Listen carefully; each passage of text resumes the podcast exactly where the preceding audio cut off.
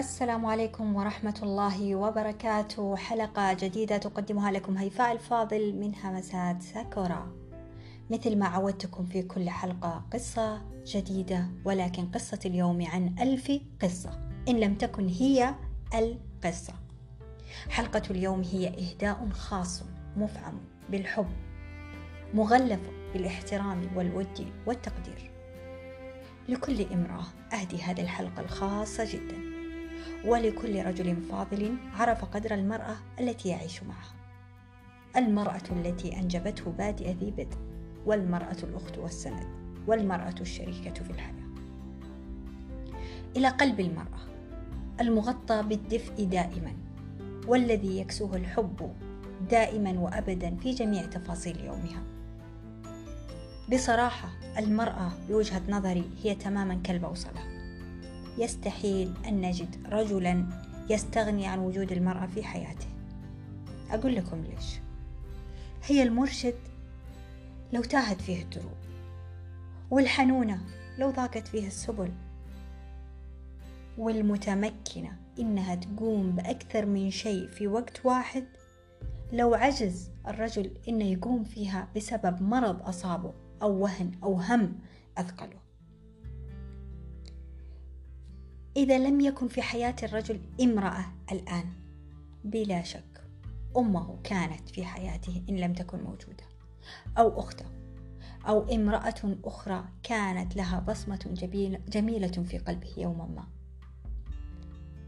المرأة ليست فقط أيقونة للجمال ولا أتمنى أن يتم اختزال المرأة بالشكل فقط. لذلك أتمنى وأرجو من كل فتاة ومن كل امرأة هي جميلة بلا شك إنه لا نركز على الشكل لا نركز على القشور حتى لا تصبح الواحدة منا ضعيفة الشخصية قليلة الحيلة صغيرة بالوعي والإدراك وللأسف سهلة المنال مكسورة القلب في الختام. المرأة خلونا نتفق تملك كل الأسلحة متى ما أرادت لمواجهة العالم كله. تملك الحنان والقوة إن لزم الأمر يعني كل التضادات تلقاها عندها تبغى العطف حتلاقي والقسوة لو لزم الأمر.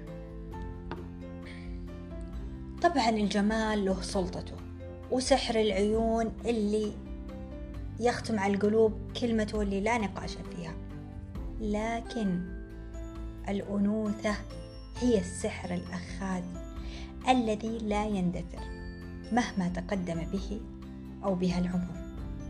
وخفتت سطوة الجمال. تظل روحها الجميلة وفكرها النير هو المفتاح الرئيسي لاستمرارية الجمال. بلا شك لا ننسى الرجل. هو شريك المرأة. هو النصف الآخر لها. تتقوى به وهو يتقوى فيها. ويركن كل واحد منهم للآخر عندما تخور القوى. المرأة هي الجمال الأنوثة القوة الناعمة والحكمة البالغة والمرونة في إيجاد الحلول إذا قفلت الأبواب بوجه الرجل. مهما يكن الاختلاف بين الشريكين. فأتمنى أن نراه بمنظور آخر بمنظور الجمال. الأقطاب المتشابهة تتنافر والمختلفة تذكروا أنها تتجاذب وتتحد. هذا من أول الدروس اللي درسناها في مادة العلوم. وهذه هي الفرصة ليطور كل واحد منهم الآخر إذا عرف مفتاح الآخر وما ينقصه ليكمله له أو فيه. الرجل.